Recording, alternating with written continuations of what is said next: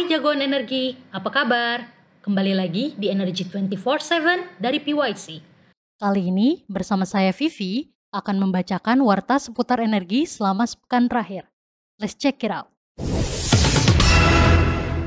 Berita pertama datang dari harga komoditas energi. Harga minyak mentah Indonesia atau Indonesian Crude Price atau ICP mencapai 65,49 US dollar. Harga minyak Brent per Juni 2021 sebesar 74,39 US dollar per barel.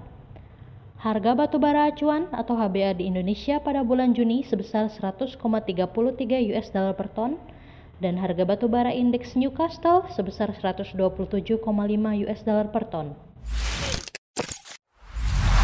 Berita kedua datang dari sektor energi baru terbarukan. Kapasitas PLTP susut 50% di draft RUPTL 2021-2030. Berita diambil dari Harian Kontan 21 Juni 2021. Kapasitas pembangkit listrik tenaga panas bumi atau PLTP menyusut hampir 50% dalam rencana umum penyediaan tenaga listrik RUPTL 2021-2030 dibandingkan RUPTL 2019-2028.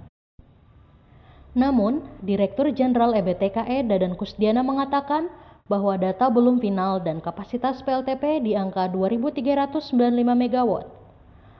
Berdasarkan data KASDM, kapasitas PLTP di RUPTL 2019-2008 mencapai 4.607 MW.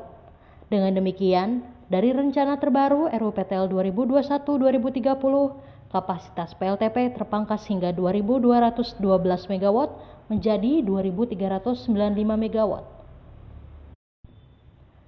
Mengacu draft RUPTL 2021-2030, kapasitas PLTP pada 2021 ditargetkan 136 MW, kemudian bertambah 108 MW pada 2022 dan 190 MW di 2023.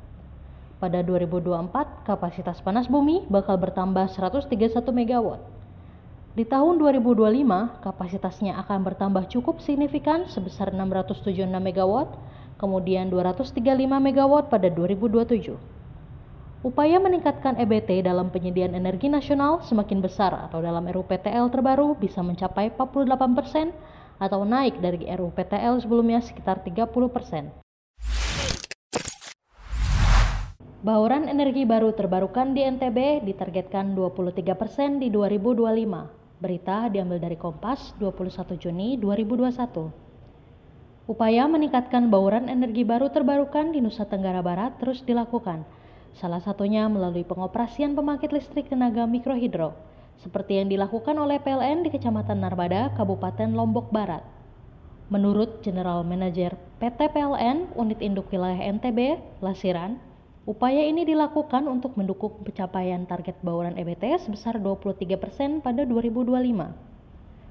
Kehadiran PLTMH Lembah Sampage menambah jumlah PLTMH yang beroperasi di Narmada menjadi 4 PLTMH. Sebelumnya sudah ada 3 PLTMH yakni PLTMH Sesaot, PLTMH Narmada, dan PLTMH Batu Bedil. Total kapasitas yang dibangkitkan dari 4 PLTMH ini adalah 2,95 MW atau setara dengan 3.277 pelanggan daya 900 volt ampere. Hingga saat ini untuk NTB, bauran EBT yang telah dimanfaatkan oleh PLN telah mencapai 5,72 persen yang bersumber dari tenaga surya dan air. Berita selanjutnya datang dari sektor ketenaga listrikan. PLN ambil alih listrik Blok Rokan dan INCO. Berita diambil dari Harian Kontan 24 Juni 2021. Perkembangan proses lelang PLTGU Kogen di Blok Rokan dan penyediaan listrik untuk smelter PT Pale Indonesia Tbk atau INCO mulai tersingkap. Kabar terbaru, PT PLN bersiap mengakuisisi 100% saham PLTGU Kogen di Blok Rokan dan menyediakan kebutuhan listrik di smelter INCO. Direktur Niaga dan Manajemen PLN, Bob Saril mengatakan, PLN akan mengakuisisi PLTGU Kogen berkapasitas 300 MW milik anak usaha Chevron Standard Limited bernama PT Mandau Cipta Negara Nusantara. Bob memastikan pada akhir Juni seharusnya sudah ada kepastian terkait proses akuisisi tersebut. Dalam pekan ini, MCTN akan mengumumkan hasil lelang Bukan hanya pembangkit di Blok Rokan, PLN juga sudah menaikkan kesepakatan dengan PT Vale Indonesia Tbk untuk penyediaan listrik untuk kebutuhan smelter yang akan dibangun.